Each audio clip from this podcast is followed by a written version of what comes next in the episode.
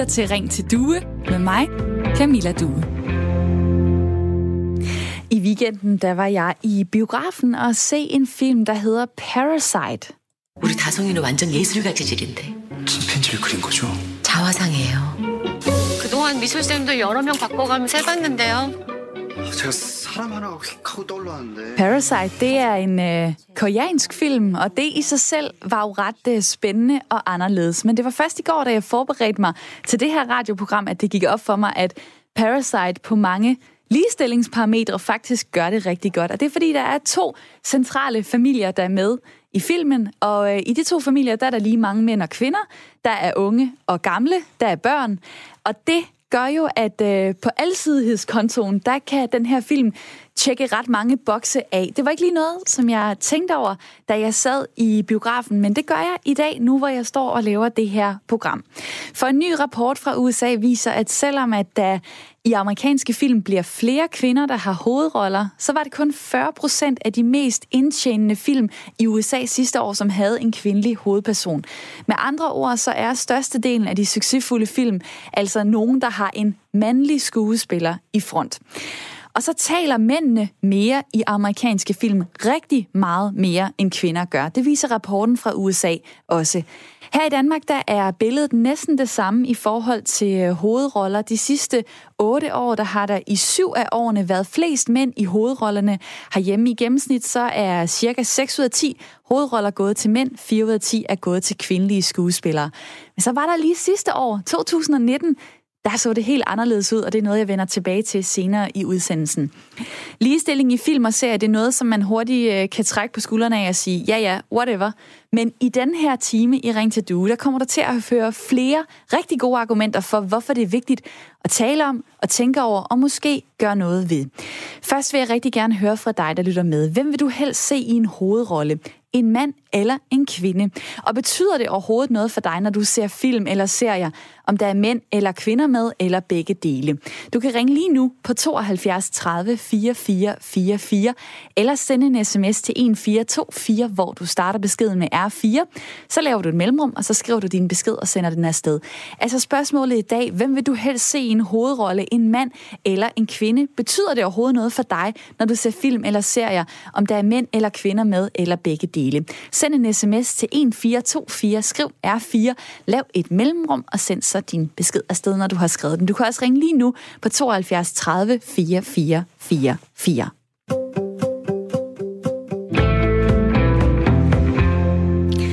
Nu vil jeg gerne sige øh, hej til mit øh, lytterpanel i dag. En lidt særlig situation, fordi vi kommer til at have tre dejlige lyttere i studiet. Øh, Lars er dog forsinket, så, så er jeg jo så heldig, at jeg har både Janette og Britta med mig. Hej med jer. Og jeg skal også huske at tænde for mikrofonerne. Det gør jeg så nu. Janette Lønge Nielsen, du bor i Klovborg ved Horsens. Du er 45 år. Du er flexjobber. Du har en mand. Og tilsammen der har I fire voksne børn og tre børnebørn. Du giver rengøringstips på Instagram. Så bestyrer du en webshop for Dansk Land Rover Klub. Og du elsker din hund. Britta Helbæk, du bor i Nørre Nebel. Du er 69 år. Du arbejder som skønlitterær forfatter. Så har du tre voksne sønner og kan lide litteratur, kunst, teater og musik. Velkommen til jer begge to. Tak. tak. Og øh, det, der skulle have været sket nu, det var, at Lars, som er på vej øh, her til radioen, kommer lige om lidt. Han skulle have spillet et skuespil sammen med dig, Janette. Men så er det så godt, at jeg har en kollega, der hedder Martin også. Hej med dig, Martin. Goddag. Nu skal I øh, agere skuespillere her i radioen. Jeg har skrevet et manuskript ud fra min bedste evne, som I skal performe, og pointen med det kommer lige om lidt. Der er 10 replikker, og I skal spille øh, en mor og en far i en scene, hvor I er kommet op og diskuterer en sen aften. Og den her scene, den tager et minut. Og nu skal vi i gang. Action! Men hvad er det, du vil have mig til at sige? Bare fordi du gerne vil have, at jeg kommer tidligere hjem fra arbejde, så har jeg jo ting, jeg skal stå for. Vil du virkelig have, at jeg bliver fyret fra mit job? Nej, selvfølgelig vil jeg ikke det. Men jeg gad godt, du har tid til at se dine børn.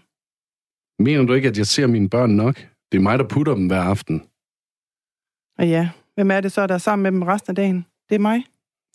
Jeg forstår bare ikke, hvorfor du ikke er mere taknemmelig for de ting, jeg så gør. Måske skal vi tage på en lang ferie sammen som familie. Kunne vi ikke godt bruge det? Jo, det lyder da som en dejlig idé. Det vil vi være rigtig glad for. Måske til et varmt sted. Fint. Skal vi ikke gå ind og bestille det i aften? Godt.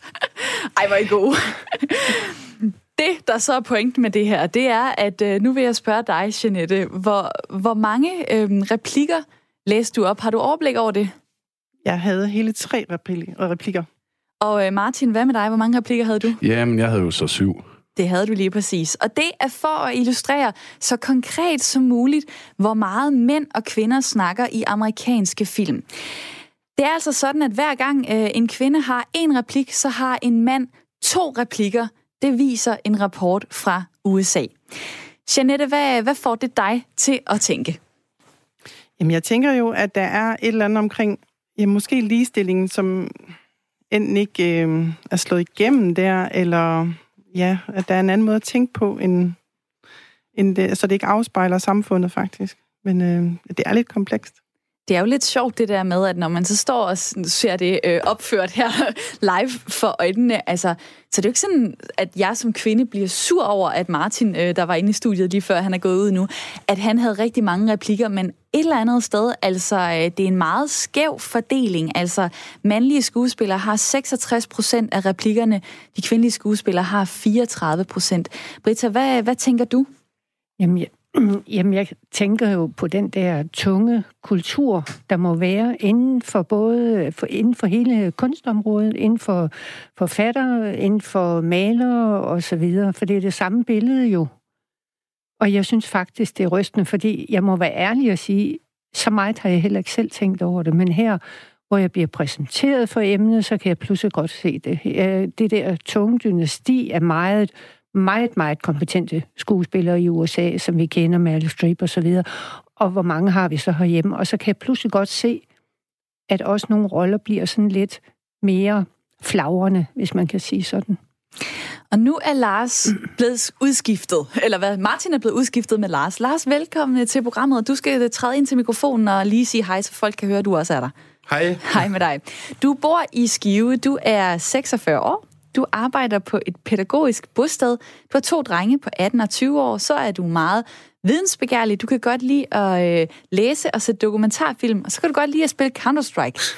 Og det med Counter-Strike, det fik jeg overbevist om, derom, at det måtte jeg godt sige, fordi e-sport, det er altså ind, også for, øh, for voksne. Jeg kunne godt lige tænke mig at øh, høre fra dig, Lars. Øh, jeg ved, du, du ser en øh, del film. Hvad ser du? Og du skal lige træde helt øh, tæt på mikrofonen. Endnu tættere. Endnu tættere. jeg ser um, science fiction film, øhm, thrillers, og jeg kan godt lide Tarantino-film. Øhm, og nogle af mine favoritfilm, det er faktisk Alien, hvor det er en kvindelig skuespiller af hovedrollen. Øhm, Kill Bill, hvor det også er en kvinde.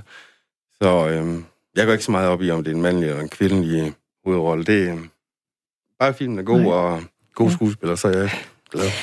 Det her, det er øh, lytterprogrammet Ring til Due.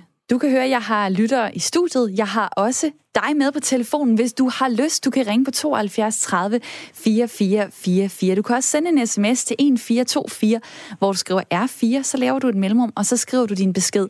Spørgsmålet i dag er, hvem vil du helst se i en hovedrolle? En mand eller en kvinde? Og betyder det overhovedet noget, når du ser film eller serier, om der er mænd eller kvinder med, eller måske begge dele? Ring lige nu 72 30 44 44.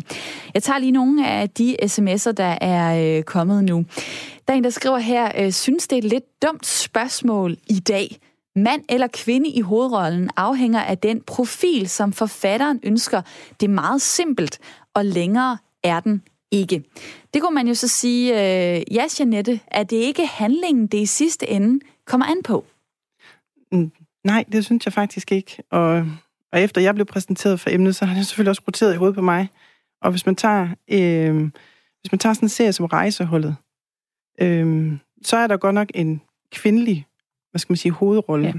Men hun fylder jo ikke så meget. Hun fylder på sådan en kvindelig måde i forhold til de andre skuespillere, som fylder meget mere sådan maskulin og mandligt og de udfører i virkeligheden det samme arbejde. Der er to kvinder i serien, og den ene er sådan sekretærenagtig, og den anden, hende ser vi så lidt på prøve. Så jeg synes faktisk ikke, det jeg synes ikke, det handler nødvendigvis om historien. Det kunne jo skrives om til at være hvem som helst. Hvis man gerne vil have en kvindelig hovedfigur, så hvorfor ikke det? Man kan jo godt øh, få den der tanke, når man hører det her program, åh, oh, så skal vi høre om ligestilling igen, og nu er det så film, og ja, ja, det er mænd, der har seks ud af, af, af 10 hovedroller, men kvinder har jo så fire ud af 10, så langt er det vel ikke fra hinanden, eller hvad? Altså, øh, de der tal, øh, hvad betyder de, Brita, når du hører dem? Jamen, det betyder da, at jeg kommer til at tænke over, hvad, hvad, hvad det her egentlig handler om, fordi det kan jo ikke være talent, der mangler. Det nægter jeg da at tro på. Så der må jo være noget meget dybere liggende i os, og jeg vil da heller ikke stå og påstå, at øh, de her mennesker, der laver filmene, at de sidder og tænker, der skal vi i hvert fald ikke have en kvinde til at sige for meget. Så det er noget, der ligger meget dybt, og så er jeg jo selv forfatter, og så står jeg og tænker på, øh, hvordan, når jeg skriver min roman, og går jeg så også bevidst efter det, det gør jeg ikke. Men jeg har da fået det her, at nu har det ikke været så tit, men der har der været en, en mand eller to, der har sagt, at det er vel også mest for kvinder, du skriver, uden at de i øvrigt har læst mine bøger. Der er en, der skriver her på sms'en, der hedder Karin øh, Heisa. Det betyder ikke så meget med ligestilling i filmbranchen. Nogle gange er det måske de mest kvalificerede, der får rollerne eller tilskuddet osv. Alting skal ikke deles op i køn. Vi skal bedømmes på vores person og vores evner og værdier, og ikke vores køn. Og det gælder alle brancher, skriver Karin øh, på øh, sms'en. Øh, Lars, øh, hvornår har du sidst øh, set en, øh, en film, hvor, hvor der var sådan tydeligt flere kvinder med, og hvornår har du set en, hvor der var mange mænd med? Tydelige flest kvinder, det, øhm, det kan jeg ikke lige komme i tanke om nu, men øh, så sent som i går, der så jeg den nyeste øh, Terminator-film, og der, der var det jo en kvinde, der havde hovedrollen, og hun var, øh, hvad skal man sige, meget, ja, hun er meget voldelig i filmen, og hun tæsker faktisk en, øh, en øh, mandlig robot, så jeg kan ikke lige komme i tanke om, hvor, hvor der er flest kvinder i, må jeg nok og som du kan høre, så øh, flakker lyden lidt. Jeg vil hive dig helt hen til mikrofonen, hvis jeg kan. Vi står på hver side af, af bordet, så øh, jeg vil rigtig gerne have, at øh, lytterne derude har god lyd. Og jeg vil også rigtig gerne have, at I blander jer i debatten. Lige nu er der mange, der, der sender sms'er. Det er super fedt. Prøv også lige at ringe, hvis du har noget at sige til det her emne. 72 30 4444. Det er nummeret. Så kommer du igennem til Ring til Due, som er Radio 4's samtale- og lytterprogram. Der er en, der skriver her fra Tostrup. Nu den snak igen. Hvorfor snakker I ikke ligestilling i hæren, som murer eller anden mandligt domineret sektor? Er det kun de flashy områder, som kvinderne brokker sig over, og hvor man så ikke gør noget på andre områder? Der kan jeg sige, Carsten, hvis du har nogle forslag til emner, du gerne vil have, jeg skal tage op, så er du meget velkommen til at skrive den til mig. Det er ring til duesnabelag radio4.dk. Ring til duesnabelag radio4.dk. Lige i dag, der taler vi så om film og øh, serier, og det gør vi, fordi at øh, i starten af januar her, der er det jo sådan en sæson, hvor der er rigtig meget fokus på, hvor mange øh, kvinder og mænd, øh, Øh, der er succesfulde i, i filmbranchen i forhold til Golden Globe, i forhold til Oscar-nomineringerne, som lige er kommet, i forhold til Critics' Choice øh, Movie Awards osv. Øhm, og nogle af de undersøgelser, øh, der er kommet frem, de viser jo så det her med, at jamen, de mest succesfulde film, det er, øh, eller i hvert fald de fleste af de succesfulde film, der er der øh, mænd i, øh, i hovedrollerne. Øh, Jeanette, hvad, hvad, hvad er en god hovedrolle for dig? Altså, er det lige meget, om det er en mand eller en kvinde? Ja, det er det faktisk. Det er historien bagved. Det er personfortællingen. Det er, at at jeg kan mærke, hvem det er, der er hovedrollen. Øhm, så, så for mig er det... Men, altså, men jeg er jo også kvinde, jeg vil også gerne se på en lækker mand. Så, jamen, og jeg vil også gerne se på en, på en pæn pige. Så og du ja. fortalte mig, at øh, nogle gange så, øh, så tænder du for Gilmore Girls. Ja. En rigtig kvindeserie. Mm. Hvad får du ud af, af den i forhold til for eksempel øh, True Detective med øh, to mandlige detektiver, et politikontor, mænd, mm. mænd, mænd. Hvad giver Gilmore Girls så i stedet for? De giver rappe replikker. De giver kvinder, der ved, hvad de vil. Det er, man kan måske sammenligne det lidt med Sex and the City. Altså, det er piger, det er kvinder, der er i styring, og, og også det her samvær kvinder imellem, som handler enormt meget om følelser og oplevelser. Og det, det ser man jo ikke så tit, ser jeg, hvor det er mænd, der ligesom deler en masse følelser med hinanden. Og det kan jeg måske bare godt lide. Nu har jeg øh, ringet til øh, Sabrina Viting Serup. Hej med dig. Goddag. Du har undersøgt, hvad det betyder, at øh, vi ser forskellige folk på film. Og øh, du har også en øh, fire måneder gammel baby, som man måske lige kunne høre lidt til der. Øh, Sabrina, du... Øh, Jeg er du- meget begejstret for at være i radio. Jamen, det er dejligt. Velkommen til, og det er også en god, præ- det er en god alder øh, at lige øh, få premiere, så går det bare fremad derfra. Øh, Sabrina, du har en baggrund øh, med blandt andet en kandidat i moderne kultur og kulturformidling, og et Ph.D.-stipendiat ved Institut for Kunst og Kulturvidenskab fra Københavns Universitet. Og så i dag, der er du selvstændig foredragsholder og forfatter bag virk, øh, og, øh, og du har virksomheden øh, Ren Snak. Sikke en lang titel, men det jeg vil spørge dig om, det er, hvorfor er det overhovedet vigtigt at tale om ligestilling på skærmen? Jamen, øh, jeg kan jo starte med at være sådan rigtig halvforskeragtig og sige, vi ved jo ikke 100% hvad det her øh, betyder, fordi der er endnu ikke nogen, der har doneret et sæt tvillinger og sagt, at jeg godt må spære den inde ned i en lille kasse, og så kun bestemme, om de skal se Gilmore Girls eller True Detective og lukke dem ud 18 år senere og se, hvordan de har det. Det, det kan vi ikke rigtig af etiske årsager. Men øh, det vi indtil videre kan se i forskningen, det er, at der er en tendens til, at øh, vores ja- øh, hjerner ligesom laver et lager af billeder. Og hvis jeg får de samme billeder ind i min bank igen og igen og igen, så er det det, der bliver sandhed eller virkelighed, det jeg forholder mig til. Og det betyder for eksempel, at hvis jeg kun ser film med mandlige hovedroller, store, stærke, seje mænd, der kan alt muligt, og kvinder, der står lidt i baggrunden og bare øh, nogle pæne små dukker, der vimser rundt, jamen så lærer jeg, så kommer det ind i banken sammen med alt andet, jeg, jeg lærer. Øh, og så lærer jeg jo ligesom, at kvinder, det er nogen, der skal holde sig i baggrunden, og mænd er de store, stærke, der står forrest. Og det kan gå ind og påvirke mig helt ubevidst. Hvordan? Jamen for eksempel, hvordan vi ser på os selv og på andre i samfundet. Øh, og det gælder selvfølgelig ikke kun kvinder. Nu snakker vi om øh, ligestilling og om andre kønsminoriteter. Det kunne også være med hensyn til heteroseksuelle eller folk med forskellige hudfarve, etniciteter osv. At øh, hvis de her mennesker bliver portrætteret på en bestemt måde altid, som de jo desværre lidt har en tendens til i Hollywood. Vi kan snakke om, at der er begyndt at ske noget i de her år, hvor vi måske får blødt det lidt op.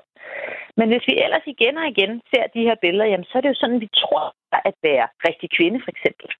Så sådan en, øh, en øh, korthåret dame med briller som mig, jeg er for eksempel ikke smuk. Det har Hollywood lært mig. Det kan jeg aldrig nogensinde blive. Øh, og det kan jo også være sådan noget som at mænd, de ser de her mandlige fremstillinger og tænker, oj, mænd, de må, de må ikke kunne føle noget, de skal ikke uh, kunne græde, eller sådan Nej, de kan kun være vrede og lyderlige. Det har jeg selv set i alle actionfilm, så jeg må hellere undertrykke alle mine følelser og blive topdeprimeret og stresset, fordi sådan er man jo en rigtig mand. Jeg kigger Ja, lige på, øh, på manden i mit lytterpanel i dag, øh, Lars. Kan du genkende det, altså at øh, manderollerne, de er på en bestemt måde tit i, i film og serier? Ja, det synes jeg. Øhm, måske især i amerikansk film, synes jeg, at øh, det måske er ligesom, øh, som lytteren her siger, øh, måske især James Bond. han, øh, han skal jo lægge en, Ja, han skulle jo gerne kysse en 3-4 damer i hver eneste film. Men nu er de så snakker om, at øh, der skulle være en kvindelig skuespiller, der skulle spille James Bond, så det bliver spændende at se, om, om det sker, og hvordan det kommer til at gå. Der er en, der skriver her på sms'en, Hej du, jeg synes, den nye James Bond skal være en sort, handicappet QBTMX plus person, og at øh, det er en, der skal hedde Kim Bond, så kan ingen vist føle sig krænket, skriver øh, Paul på øh, sms'en. Øh, øh, Sabrina, hæng lige på, fordi at øh, Brita i mit lytterpanel, hun øh, markerer os lige. Jamen, det er fordi, jeg står og tænker på et sted, hvor jeg øh, noget af det der med, hvordan vi bliver påvirket. For eksempel svenskerne, de har jo lavet kriminalserier i overvis og kriminalfilm, om, hvor det er kvinder, som er, har den der hovedrolle. Og det irriterer mig simpelthen vanvittigt hver gang at se dem, fordi de bliver fremstillet som om de mænd, de har nøjagtigt den der samme sure, fortabte attitude som nogle lidt asociale dullernakker, som ikke kan finde ud af at have et kompetent liv ved siden af deres... Øh, øh, Sådan var det vel også i broen. Altså, Ja, øh, nu kan ja. jeg ikke huske, hvad hun hed. Hende Saga der. Norin. Saga. Og der skal en vi smuk, virkelig men meget på. forvirret kvinde der skal vi virkelig passe på, ikke? Fordi, når det, fordi jeg gætter på, det fordi, man tænker så meget ind i det, at man tænker, nu skal de der kvinder, og det er næsten også altid kvinder, der er chefer i deres, og de opfører sig fuldstændig ligesom mænd gør.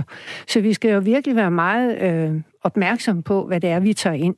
Der er Også- en uh, Tina her, der skriver på uh, sms'en, Godmorgen, køn er bedøvende ligegyldigt, med mindre vi taler befrugtning. Så er jeg ligeglad med, om hovedrollen spilles af mand eller kvinde. Det afgørende er nok snarere de karakteregenskaber, rollen repræsenterer, og desværre tillægges mænd i højere grad end kvinder Egenskaber som selvtillid, styrke og seriøsitet, det vil vi jo gerne øh, se på skærmen, øh, skriver Tina på sms'en nummeret 1424. Skriv R4, lav et mellemrum og send så din besked afsted.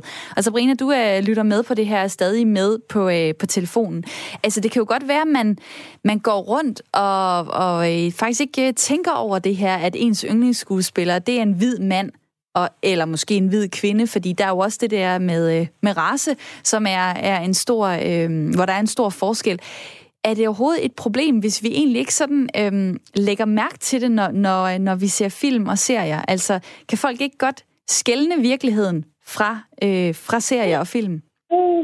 Og det er jo det, der er rigtig spændende, at øh, der er lavet nogle studier, for eksempel nede i Holland. Det handlede så godt nok om reklamer og det her med photoshoppede damer, vi alle sammen ved godt de der damer, vi ser på busreklamerne, øh, de ser øh, slet ikke sådan ud. De er photoshoppet i uendelighed, og den synes, at det er deres job ikke at spise og stå nede i fitnesscenteret. Ikke? Alligevel, når man interviewer folk omkring det her billede, for eksempel, så kan de bevidst sige, nej, det ved jeg godt, de ser ligesom mig, det er jo Photoshop, og sådan ser rigtige mennesker slet ikke ud. Men når vi så står med os selv over for spejlbilledet og kigger på os selv, så fordi vi har set så mange flere af den dame-type nøgne, men så når kvinder kigger på sig selv i spejlet, så er det det, der ligger i banken op i hjernen. Det er simpelthen så mange billeder er fyldt op, så vi kommer til ubevidst, emotionelt at sammenligne os med det. Og det er lidt det samme, der sker på film. Vi ved ikke bevidst, hvad der sker. Vi vil ikke kunne sætte os ned og sådan sige, nu har jeg lært, at kvinder ikke har agens, og mænd er stærkere end noget. Det er der jo ikke nogen, der tænker over. Det, der sker, er simpelthen, at banken bliver fyldt op. Og det kan den jo både med film og med bøger og med øh, venner og mennesker, de omgiver sig om i den virkelige verden. Men film, som vi jo så ser i så stor grad, film og tv-serier er noget af det kultur, der bliver mest forbrugt her i Danmark, jamen så fylder det altså den her bank. Og der synes jeg jo, det er ret spændende, hvad dit lytterpanel har gang i. At der er jo forskel på det, jeg i min forskning kalder tilgængelighed og fremstilling. Altså tilgængelighed, hvem har lov til at være med? Og fremstilling. Hvordan har de lov til at være med? Mm. Fordi hvis man så siger for eksempel, nu bliver der snakket om de her svenske krimier, ikke? at øh, de her kvinder, de må kun være med, hvis de spiller den samme arketype, som øh, mænd har spillet i årtier. Har der så været en særlig stor udvikling? Altså, vi har selvfølgelig fået skiftet ud på tilgængeligheden. Det er jo meget spændende. Men vi tror stadig, at kriminalbetjente, det er sådan nogle, der er socialt handicappet nærmest. Ikke? Må jeg så lige spørge til sidst, er det ikke manuskriptforfatterne, øh, vi skal have fat i? Altså, øh, hvis de ikke har formået at udvikle, hvad en kriminalbetjent er øh, de sidste 20-30 år, eller hvad en kvinde laver derhjemme eller på arbejde, eller hvilken rolle som en mand spiller i familien eller sådan noget, er det så ikke dem, der skriver Øh, det, der til, i sidste ende bliver filmen, som man skal øh, ruske op i og sige, hallo, øh, 2020, tak, moderne fortælling? Jamen, der, det ville jo være fedt, det bare var et enkelt hold mennesker, vi kunne bede om at tage sig sammen. Ikke? Men film er jo et stort medie, der er rigtig mange penge involveret, der er rigtig mange mennesker involveret. Så det er jo både øh, dem, der skriver dem, det er dem, der instruerer dem, det er, hvordan spiller dem, der er med i filmen, og ikke mindst, hvem, for eksempel i Danmark, ikke? hvem får filmstøtte? Hvad er det for nogle manuskripter? Vi havde jo i 2012, var der en, øh, en mindre øh, mediekrise omkring, at øh, en, en øh, dansk børne- ungdomsfilm fik nej til at få støtte, fordi at der var for mange etniske minoriteter med i hovedlisten, og det mente man ikke kunne sælge især i Jylland. Så der fik vi også lige gjort opmærksom på, at hele Jylland er selvfølgelig racistisk. wow. der, der er der jo en, en spændende film potentielt. Jeg, den blev faktisk lavet senere. Jeg skal indrømme, at jeg ikke har set den. Det kan være, at hende her lidt over fire måneder, vi øh, skal kigge på den MGP-missionen. Men uh, der, der er det jo pengene, der kommer til at bestemme. Og sådan er det jo også lidt i Hollywood. Ikke? Hvem sidder med magten og pengene til at bestemme, hvad skal produceres? Og hvor konservative er de? Vil de gerne lave det, vi plejer at lave, eller vil de sætte på noget nyt? Og det sagde øh, Sabrina Viting Seup, som er selvstændig foredragsholder og øh, forfatter og ejer af virksomheden øh, Ren Snak. Og øh, også meget mere end det, øh, blandt andet øh, Ph.D.-stipendiat øh, fra øh, Københavns Universitet i, i, på Institut for Kunst og Kulturvidenskab. Det her, det er lytterprogrammet Ring til Due. Derfor så kan du være med på telefonen, hvis du ringer på 72 30 44 44. Du kan også sende en sms til 1424, skriv R4, lav et mellemrum og skriv så din besked og øh, sende den afsted. Der kommer øh, nogle forskellige sms'er lige nu, dem har jeg tænkt mig at øh, tage efter øh, nyhedsoverblikket. Og øh, der skal vi også tale om, at øh, vi, skal, vi skal fokusere lidt mere på Danmark, fordi nu har vi talt lidt om amerikanske film, og vi har talt om det her med, at i amerikanske film er det sådan, hver gang mænd har to replikker, så har kvinderne kun én. De tal har jeg ikke for Danmark, men jeg har tallene på hovedrollerne. 6 ud af 10 hovedroller er gået til mandlige skuespillere, 4 ud af 10 til kvindelige. Men så var der lige sidste år, hvor der skete et eller andet, som gjorde, at flere kvinder end mænd faktisk fik en hovedrolle i en dansk film. Så kan man jo så spørge, at det så et problem, at kvinderne nu tager for mange hovedroller? Det skal vi snakke om om lidt, men først skal vi have et nyhedsoverblik. Muslimske kvinder kan blive fanget et sted mellem dansk lov og religiøs praksis, når de vil skilles. De kan stå med en juridisk skilsmisse jævnfør den danske lov, men også med en nikah, der er en slags religiøs ægteskabskontrakt, som stadig er i kraft, og som altså binder dem til det ægteskab, som de ellers gerne vil forlade. Det er en af de udfordringer, som en ny rapport fra Forskningsinstituttet VIVE har fundet for minoritetskvinder, der gerne vil skilles.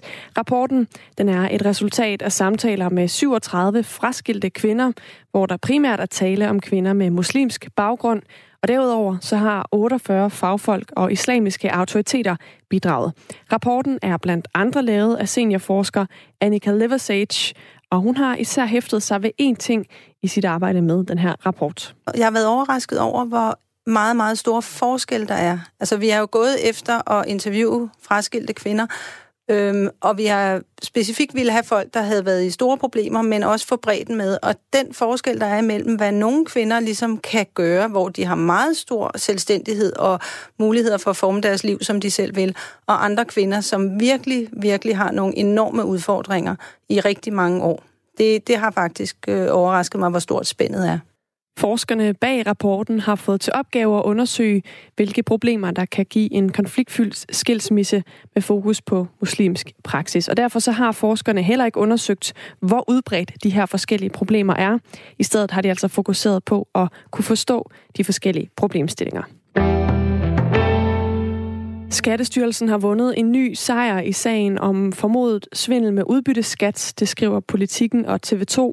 Landsskatteretten har givet Skattestyrelsen medhold i en sag mod pensionsfonden KK Law Retirement Plan Trust, som var en af mange pensionsfonde, der fik udbetalt flere millioner kroner i udbytte. Det her var den syvende ud af syv prøvesager, som Skattestyrelsen fik medhold i, og bag de syv prøvesager, der er 180 lignende sager, hvor pensionsfonde klager over, at Skattestyrelsen annullerede alle afgørelser om udbetaling af refusionen af udbytteskatten i perioden 2012 til 2015. Det er det samtidsrum, hvor man formoder, at skat har mistet 12,7 milliarder kroner gennem svindel. Retten kom frem til i den her sag, at der ikke var bevis for, at pensionsfonden ejede de aktier, der havde givet udbytte. Danske plante, dyre og svampearter er blevet mere truede. Det er den overordnede konklusion på den nye rødliste. En liste, der gør status over, hvordan det står til med de danske plante, dyre og svampearter. Det fortæller forsker Jesper Ehrenskjold Moslund. Han kommer fra National Center for Miljø og Energi ved Aarhus Universitet. Vi har jo gennemgået øh, 12.000 arters øh, risiko for at uddø, og, og når vi sammenligner med sidste gang vi gjorde det, så kan vi se, at der er en, øh, en, en lille, men, men dog signifikant til, tilbagegang for arterne. Altså det vil sige, at arterne er blevet en lille smule mere troet, øh, siden sidst vi lavede den her øh, opgørelse. Og der er især en forklaring på, at det altså går lidt ned ad bakke for arterne, siger Jesper Ehrenskjold Moslund. Den mest nærliggende forklaring, det er jo, at, øh, at vi fortsat har tab af levesteder i Danmark. Øhm, og det, det gør jo, at det bliver svært at være, at være art, især arter, som har nogle specielle krav øh, til levestederne. Rødlisten er en oversigt over arter, der enten er forsvundet i nyere tid, er i fare for at forsvinde eller er sjældne, og det er første gang siden 2010, at den her liste den er blevet opdateret. Skydevær med regn er til på Bornholm i eftermiddag, tørt vejr og lidt sol, og generelt temperatur, der ligger mellem 7 og 11 grader.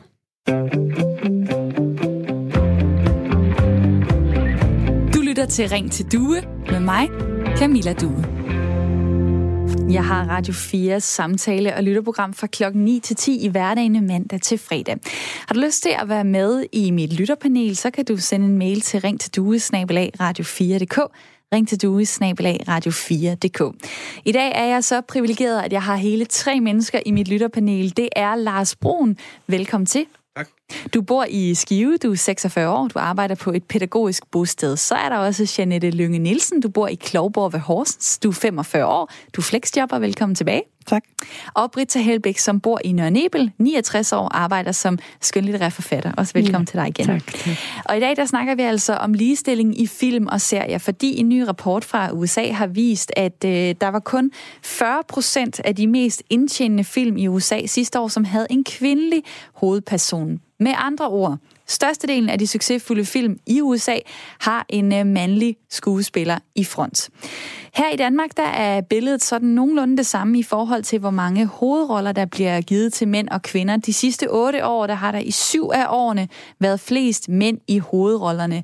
Men så var der lige år 2019, hvor kvinderne kom rigtig på banen. Det skal vi tale mere om om lidt. Fordi det her det er et lytterprogram, så vil jeg meget gerne have, at du er med. Du kan dele din holdning og erfaring til det her emne. Ring på 72 30 44 44. Spørgsmålet i dag er, hvem du helst vil se i en hovedrolle, en mand eller en kvinde? Og betyder det overhovedet noget for dig, når du ser film eller serie, om der er mænd og kvinder med, eller begge dele. Du kan også sende en sms til 1424, hvor du skriver R4, så laver du et mellemrum, og så skriver du dine beskeder. Jeg tager lige nogle af de sms'er, der er øh, kommet. Der er en, der skriver her, jeg vil da meget hellere se på en lækker kvinde end en mand. Men jeg gider ikke se det, hvis det bliver for rødstrømpet, skriver Jan på sms'en. Så er der en, der skriver, i danske film er der på grund af filmstøtte altid en svensk skuespiller med, og i svenske film en dansk skuespiller. Det er irritationsmomenter, det ødelægger filmen. Det samme gør kønstænkning i film. Og så er det lidt sjovt, at der er en, der hedder Frank her, der skriver på sms'en, at øh, alt i alt, så kunne man jo tage og øh, skifte kvinder, øh, de kvindelige ud, måske med overvægtige. Og så på den måde, så kunne man jo så også få, øh, få endnu, endnu en, øh, hvad kan man sige, underrepræsenteret gruppe ind på, øh, på filmladet. Vi vender tilbage til, til nogle af de mange... Øh, grupper af mennesker, som ikke optræder særligt tit øh, på film. Men øh, jeg kunne også lige godt tænke mig at sige, at øh, alle jer, øh, der skriver på sms'en, det er mega fedt, I skriver der. I kunne da også lige til at ringe på 72 30 44 44. For det er også rigtig sjovt at snakke med jer og øh, høre lidt mere om jeres øh, holdning. Nummer det er 72 30 44 44. Jeanette, øh, hvad synes du sådan øh, stemningen er ud fra de sms'er og den øh, forsker, vi har talt med osv.? Øh, er det overhovedet noget, vi skal øh, tænke over, det her med ligestilling, kvinder og mænd øh, i film og serier? Ja, det synes jeg. Altså, jeg kan godt, jeg kan godt fornemme, at folk er sådan lidt, ej, det handler igen om ligestilling og kønsdebatten. Men det er det jo. Det er, det handler om ligestilling og kønsdebatten. Hvorfor vil vi ikke se kvinder? Øh, og hvorfor er det de kvinder, vi vil se, at det ikke er det ikke er, hvad skal man sige, normale kvinder? Hvorfor ser man en Saga Noreen, der ikke øh, har et socialt liv? Hvorfor ser man, at hun bare er branddygtig til sit arbejde, men så kan hun for ikke finde ud af resten? Nu vil jeg gerne tage Kirsten med øh, ind i snakken. Du har ringet til programmet. Velkommen til. Tak skal du have. Hvad, øh, hvad Undskyld, du har jo ikke ringet ind til programmet. Du er, du er jo en, vi har aftalt at skulle snakke med. Der blev jeg bare lige lidt forvirret. Det må du simpelthen undskylde. Du er øh, projektleder og mangfoldighedskonsulent øh, hos det Danske Filminstitut. Og øh, i 2019, der var der øh, for første gang flere kvindelige hovedroller end mænd i dansk film. Øh, kvinderne, der var kvindelige hovedroller i 65 procent af filmene, og så mandlige hovedroller i 56 procent af filmene. Og ja, det giver mere end 100 procent, men det er fordi, i nogle film kan der godt både være mænd og kvinder, der har en, øh, en hovedrolle.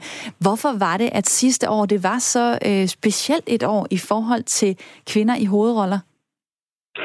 Man kan sige, at øh, der var nogle stærke film, som havde mange kvindelige karakterer i. Altså, vi har haft jagtsæson, som, øh, som havde premiere her i oktober, som jo har været den mest sælgende film i Danmark i 2019, som jo både har en kvindelig instruktør og, og kvindelige hovedkarakterer. Vi har haft øh, dronningen, Maja Tukis øh, film, som øh, også har en, en kvindelig hovedkarakter og en kvindelig instruktør. Så vi har haft nogle helt specifikke film. Vi har haft mødergruppen, så vi har haft mange mange film i 2019, hvor der også har været kvindelige hovedkarakterer i, i, til forskel for, for andre år.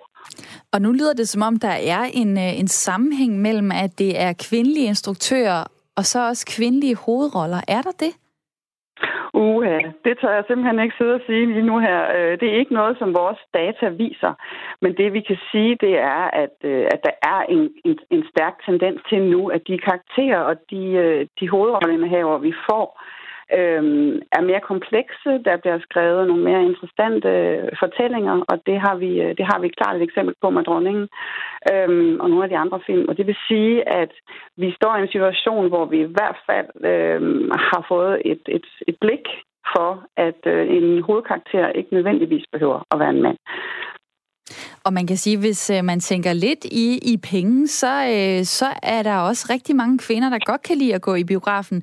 Nu har jeg lige tallet fra 2018, der var 54 procent af publikum øh, til årets danske biograffilm, øh, det var kvinder. Og så er det så meget, øh, hvad kan man sige, forskelligt, hvad det er for nogle film, der har trukket øh, kvinder og mænd i biografen, kan jeg se her på sådan en, øh, en lidt længere liste, som jeg ikke vil trætte dig med. Mm. Men jeg kunne godt tænke mig at spørge dig, øh, er det så egentlig et problem nu, at kvinderne er overrepræsenteret i hovedrollerne? Det synes jeg ikke, det er, fordi vi kan simpelthen se, at hvert år, øh, så kommer det meget an på, har vi en, en film om et, øh, et håndboldlandshold med kvinder, jamen så vil der være rigtig mange kvindelige karakterer. Har vi et om et øh, håndboldlandshold med mænd, så vil der være mange karakterer der. Det, det veksler meget. Men det er klart, at vi holder øje med, at vi ikke lige pludselig skal have en skævevridning på den anden side. Så når vi opgør tal, så sidder vi ikke og kun har plus på kvindesiden. Vi holder rigtig meget øje med, øh, om der er en kønsbalance. Det er vigtigt for os. Nu forsøgte jeg at spørge øh, Sabrina, som jeg talte med øh, tidligere i programmet, som også har, har kigget på, hvad det egentlig betyder, at vi ser mangfoldighed i for eksempel, på for eksempel film. Øh, der forsøgte jeg at spørge, jamen, hvem kan man egentlig øh, pege fingeren mod? Altså, fordi filmbranchen, det er jo, det er jo manuskriptforfattere, det er instruktører, det er skuespillere, det er folk med penge, der skal øh, investere i, hvilke film, der bliver lavet. Hvem er det egentlig, der bestemmer eller påvirker mm kønsrepræsentationen i film? Det fine er jo, at der er rigtig mange forskellige faggrupper, som er med til at lave film, som du selv siger. Og den indsats, vi har i gang, der kan man sige, at vi er jo selvfølgelig en magtfaktor, fordi vi sætter penge i danske film, og derfor så tager vi også et ansvar for at starte den her proces, som vi har gang i, hvor vi fortæller hinanden, hvad, hvordan ser virkeligheden ud, og hvordan kan vi ændre det.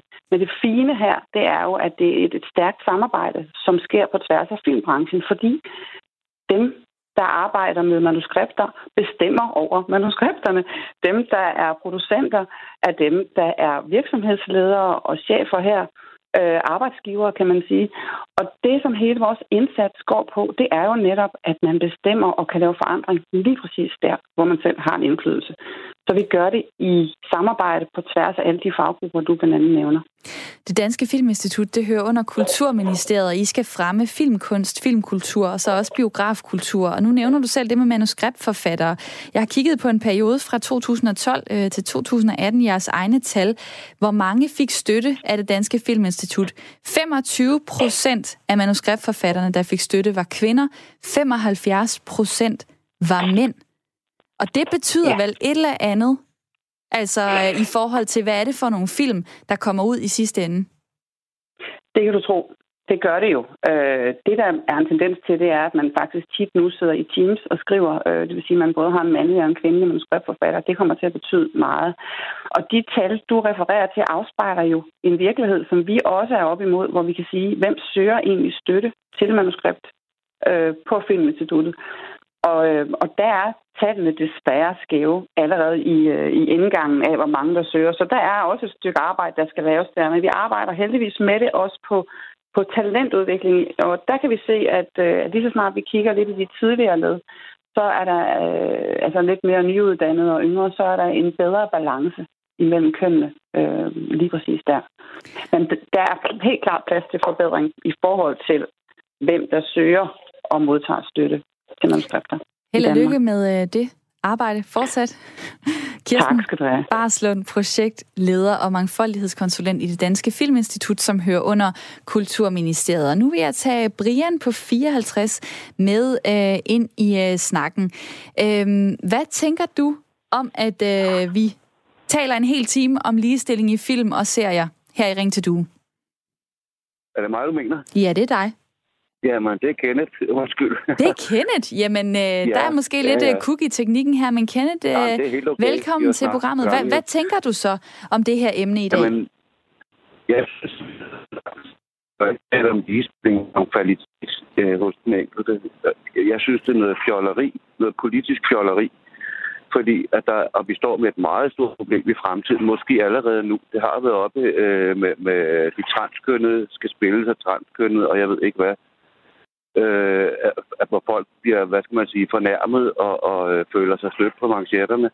Øh, jeg kan egentlig ikke forstå det, fordi når jeg sætter mig ned for at se en film, så er jeg øh, som, som seer, jeg er heller ikke noget specielt måske, men, men jeg ser det jo som en form for tidsfordriv og ikke en kæmpe hop. Og jeg er glad, hvis de spiller godt. Øh, og, og hvis man mærker et eller andet med, med hvad skal man sige, øh, at nogen er valgt på grund af kønnet, så tror jeg faktisk godt, man kan gå hen og få en, en, øh, en dårlig oplevelse. Uanset om det er til mandens eller damens Ja, transkønnet, eller hvad det måtte være. Synes du ikke, at øh, det er, er dejligt, hvis der er forskellige former øh, for skuespillere, både i forhold til øh, udseende, i forhold til køn, i forhold til race? Altså giver det ikke et eller andet ind i, øh, i filmverdenen, øh, at den ligner lidt mere virkeligheden? Jo, det synes jeg. Men det synes jeg også, den gør. Det kan godt være, at jeg ser de forkerte film i så fald. Det skal jeg ikke udelukke. Øh, men hvad synes jeg faktisk, øh, og det er alt lige fra spændingsfilm til, øh, til, til alvorlige film, ikke? Øh, altså karakterfilm. Øh, du må ikke bede mig om at nævne titler og sådan noget, for jeg har en elendig hukommelse. Øh, øh, men, ja, men jeg, jeg, synes jeg, faktisk, jeg står lige og tænker på, at det kan da godt være, at du ikke har tænkt over det, fordi du er en mand, og derfor så kan du spejle ja, ja. dig i mange flere film. Jamen, jeg, jeg, ved du, jeg, ser, jeg ser jo også mange film, hvor der er kvinder i hovedrollerne. Ikke? Altså, set som Meryl Streep for eksempel, ikke? Øh, som jeg har set nogle få gange. Øh, mange gange vel efterhånden, ikke? Som er så sindssygt dygtig, ikke? Og som måske er øh, en af de få store repræsentanter, ikke? Øh, hun har jo været facilitator for, at, at det kan ske som en af dem, ikke? Ligesom der er på, på tværs af, af at, ud over køn, så er der jo også på, på, som du selv er lidt inde på, både på, på øh, folks farve, altså etnicitet og religioner osv. videre, Ikke? Øh, men jeg synes, at filmen er god, uanset om man er kvinde eller mand, så må det jo være det vigtige. Altså, jeg tror nok, at hvis der var for lidt kvinder i, så ville jeg savne det. Øh, helt automatisk. Og det sagde øh, Kenneth, som ringede ind på 72 30 44 44. Jeg har tre dejlige lytter i mit lytterpanel. Lige nu siger I ikke så meget, og det øh, det, der sker, øh, men I markerer, og jeg ignorerer det. Og det er, fordi jeg vil læse nogle sms'er op nu for jer. For det er så dejligt, når folk derude øh, lytter til det her program og, og reagerer. Øhm, jeg vil gerne se, der er en, der skriver her på sms'en, jeg vil gerne se en skuespiller, der gør det godt i forhold til den rolle, de skal spille. Det er underordnet, om det er en mand eller en kvinde. Det vigtigste er, at han, hun er dygtig. Angående rejseholdet, så var Charlotte øh, Fischer, var det det, hun hed? Charlotte Fisch måske fik. Øh, hun gør det super godt i rejseholdet. Synes, det er trist, hvis ligestilling skal betyde, at en kvinde ikke må fremstå feminin, mm. skriver Lasse på sms'en. Så er der en, der øh, er øh, glad for, at vi tager det her emne op. Så vigtigt med ligestillingsemnet. Fortsat, øh, fortsat gerne øh, med det i øh, flere programmer og afskygninger, for det er der brug for. Prøv også at tage en tester på jeres egen kanal. Når man åbner for den, er det flere mandestemmer end kvindestemmer. Man hører både øh, værter og inviteret. Men tak for Due og for de andre kvinder. Flere af dem, så vi afspejler befolkningssammensætningen. Det kunne da faktisk være en øh, spændende opgave lige at øh, tjekke, hvad Radio 4 er gang i øh, på den her front. Britta, nu får du ordet. Jamen, det var i forhold til den samtale, både med Kenneth og den før, øh, hvor jeg står og optager det der med, når vi prøver på at konstruere noget, så går det meget ofte galt. Så bliver det kunstigt, så bliver det fortænkt. Og noget, man skal passe meget på, også i det her, uanset om det er på arbejdsmarkedet eller film, eller hvor det er med hensyn til ligestilling, at vi, at vi ikke trækker noget ned over hovedet på, på folk, at vi ikke dikterer, fordi danskerne bryder sig i hvert fald ikke om at, at blive belærte. Hvem bryder sig om at blive belærte? Ting tager tid, og i virkeligheden, så burde jo det, vi kunne stå og diskutere her, det var talent. At det er det, der skal være overskriften både inden for litteratur og film osv. Men det skulle da mærkeligt, være mærkeligt, at der kun skulle være 25 procent kvindelige manuskriptforfattere, yeah. der har talent nok til at lave yeah. en film. 75 procent mandlige. Og kigger man på instruktørerne øh, i de sidste sådan øh, 7-8 år, så er der 80 procent mandlige instruktører, der har fået støtte til film her i Danmark. Der er 20 procent kvinder. Det kan da ikke handle om talent, kan nej, det det? Nej, nej, men det var heller ikke på den måde, jeg mente det. Fordi at, at jeg mener selvfølgelig, at de tal viser, at der er noget, der skal øh, ændres i vores tankegang. Og at det er et fælles ansvar, at vi får ændret på den tankegang. Noget, jeg bider mærke i, det er, øh, når Kenneth ringer ind på, på, på telefonen og siger, øhm, måske er det ikke så vigtigt det her, eller jeg lægger i hvert fald ikke mærke til det. Lars, du siger også, du lægger ikke mærke til det. Nu bliver I puttet i, i bås. I to mænd. Ja. Er det fordi, at det, det er meget nemt, når det bare lige øh, kører, og øh, man kan sige, I er repræsenteret rigtig godt i alle statistikker, så no worries lige der. Jamen, øh, jeg kan simpelthen ikke se problemet i det, altså. Ellers så ser jeg bare de forkerte ting i, øh, i godsøjen. Øhm, jeg kan også godt lige se nogle film, øh, hvor det er to mænd, der er hovedrollen, hvor, hvor de tager tyk pis på, ja, på, på folks øh, mandighed. Altså sådan en film som The Other Guys, hvor det er to politimænd, hvor den ene han er meget mandig, og den anden han er meget tøffelheldagtig, og de tager tyk pis på, på tøffelheld. Jeg synes, det er så sjovt sådan noget. Altså, det er ikke noget, jeg tænker over dig, der lytter med, kan være med i det her program, for det lytter på ring, program Ring på 72 30 44 44, hvis du har lyst til at dele øh, din holdning til det her emne. Jeanette? Jeg kan bare mærke, at noget af det, jeg tænker, der er ligestilling, det handler nok måske i virkeligheden meget mere om, at jeg gerne vil se, at, at kvinder får lov at være kvinder, og mænd får lov at være mænd, og at man gerne må have følelser, og det er helt okay, og det ikke er, at man ikke skal portrætteres som en sådan særling for at kan være i en bestemt rolle. Og det tænker jeg lidt, at når man så ser for eksempel på rejseholdet, så bliver det meget sådan, når det er, at det personligt går galt for dem, så bliver de, så er de nødt til at gå hjem, kvinderne, de er nødt til at græde, de er nødt til at, alle de der ting, og det siger jeg ikke, at kvinderne ikke gør, men det gør mænd også. Og, og det kunne jeg godt tænke mig at se. Der er en, der skriver på øh, sms'en, øh, det der er forkert ved mange film, er, når kvinder taler nedsættende om mænd i deres roller, og at mænd har ingen hjerne er der en, der skriver her på øh, sms'en. Øh, så er der en, der kan øh, skriver her, man kan da ikke sige, om man helst vil se kvinder eller mænd i hovedrollen. Det kommer an på genre, kemi, meget andet. Men en ting, jeg absolut ikke vil se, er en genindspilling med modsatte køn, for det bliver det kun dårligere af. Jeg nævner blot Ghostbusters, uh, What Men Want, Ocean-filmen. Ingen af dem bliver bedre af en kvindelig hovedrolle. Det samme vil jeg tro, hvis man lavede Sex and the City med mænd, eller lavede i ikoniske kvindelige øh, film øh, og serier, øh, skriver øh, Ronny fra Rigskov, og mange tak for øh, den sms. Nu vi talt om øh, ligestilling i forhold til mænd og kvinder, og overordnet set, så øh, i Danmark bevæger det sig måske lidt i en retning af mere ligestilling, men der er mange områder, som vi øh, her i programmet ikke er kommet ind på endnu. Det kunne være sådan noget som etnicitet og race. Altså, ser vi øh, alle former for øh, hudfarver og etniciteter i film? Det gør vi ikke. Hvad med seksualitet? Øh, ser vi homoseksuelle, transpersoner osv.? Det gør vi heller ikke særlig tit. Og hvad med forskellige kropstyper? Altså tykke og tynde på film, øh, folk med mange modermærker osv. Der er rigtig mange øh, ting, man kan pege på, hvor folk ikke er repræsenteret i film og serier. Øh, nu vil jeg gerne lige spørge dig, Lars. Føler du dig repræsenteret, sådan som du ser ud på, øh, på film? Nej, og det er heller ikke lige noget, jeg går efter eller tænker overhovedet over. Det, det er det ikke, altså.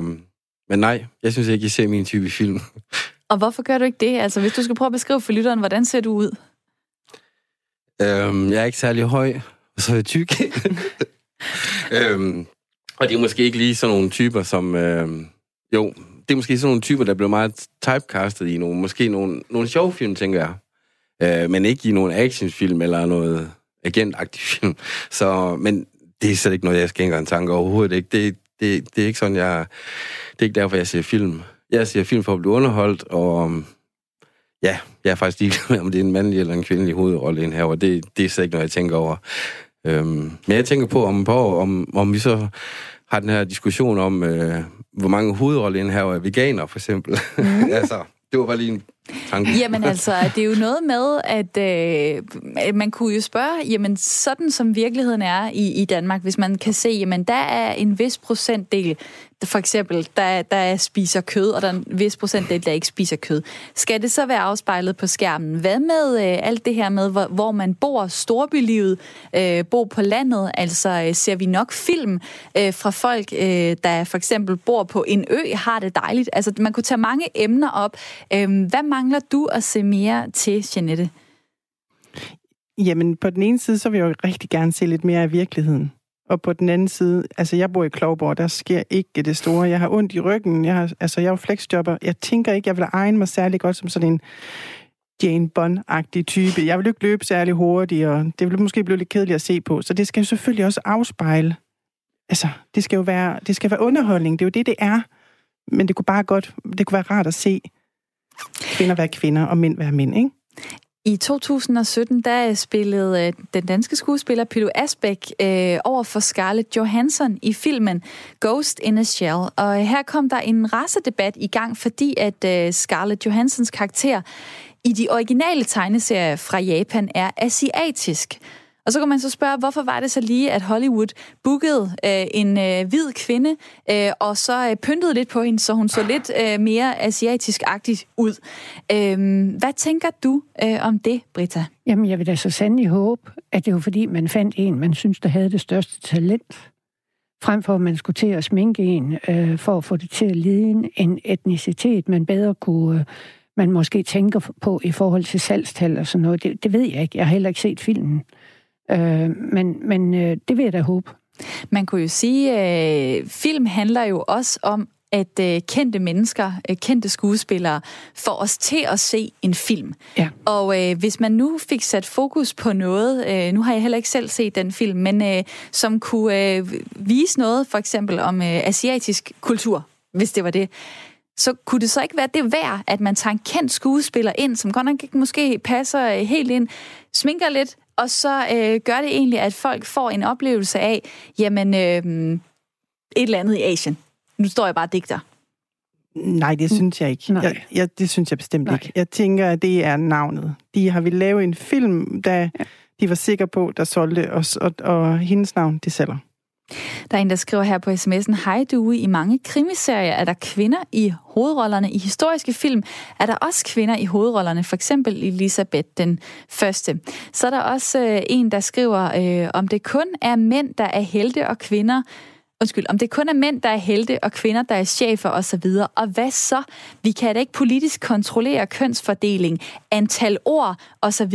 i en film. Det er et skråplan, og jeg synes ærligt talt, det er vildt, at vi bruger øh, penge på, for, øh, på, på alt det her. Politisk så skulle vi måske stoppe den kønsdebat. Øh, og det er jo noget, som rigtig mange øh, måske sidder med en, med en følelse af. Altså ligesom Lars, men du du, har, du synes jo ikke, det her det er et problem. Du kan, du kan ikke se problemet i det. Nej, det, det kan jeg ikke. Men jeg ser åbenbart også nogle andre film og, og serier, end mange andre gør, tror jeg. Det ved jeg ikke, om, om du gør, men jeg kan sige, at øh, hver anden dansker streamer film og tv-serier via nettet mindst én gang om ugen. Og øh, derfor så kan man sige, at vi bliver jo påvirket formoder jeg. Altså, og det er også det, vi har hørt i programmet af, hvad det er, øh, vi ser. Øh, Britta, kan du ikke lige prøve at overbevise Lars om, hvorfor det er vigtigt, at øh, vi får tænkt over det her? Nu tror jeg ikke på det der med, at man skal forsøge at overbevise folk. Jeg Så kom lige med det bedste argument. Jeg tror lige præcis ikke, det er den gode metode. Okay. Men, men, men det der med at have debatten indefra. Vi skal tale om det her, men det skal være sådan, at det ikke er noget, man trækker ned over hovedet på folk. Og jeg kan da bare håbe, at Lars måske lige, når han ser film for eftertiden, lige prøver at overveje, hvad er det her i grunden? Man er kunne jo det, sige, er som, der noget at tænke over? som biografgænger, eller som den, der tænder for noget på Netflix eller Ja. HBO, eller hvad det kan være, der har man jo måske også en magt til at Right. vælge, øh, hvad man vil øh, enten betale for at gå ind og se, eller øh, øh, tænde for på sin computer. Vil I tænke mere øh, over det i fremtiden, hvad I sætter på, eller gå ind og se i biografen? Mm, ja. Øh, Sabrina, hun, du havde, ind, eller havde på telefonen tidligere, hun sagde jo faktisk øh, argumentet til Lars. Hun sagde jo, at man bliver påvirket af det, man ser. Det er det der, man tager ind, og så er man så den der type, eller man tror, man skal være den der type. Og det synes jeg jo er lidt vigtigt, ikke? Og også man giver videre til sine børn. men ja, jeg vil da tænke over det. Øhm, og så vil jeg stadigvæk blive ved med at se Gilmore Girls. Det skal du øh, have lov til. Tak til mit lytterpanel i dag. Jeanette Lykke Nielsen, som vi lige hørte her fra øh, Klovborg ved Horsens. Lars Broen fra øh, Skive og Britta Helbæk fra Nørre Nebel. En fornøjelse, at I alle tre ville deltage. Sikke heldig, hvor jeg, jeg var at kunne få så stort et lytterpanel. Hvis du har lyst til at prøve at være en del af lytterpanelet, så kan du sende en mail til ring til radio4.dk. Ring til radio4.dk. Tak til alle jer, der har øh, skrevet og ringet ind, og så er jeg tilbage i morgen kl. 9.05. Nu skal vi have nyheder.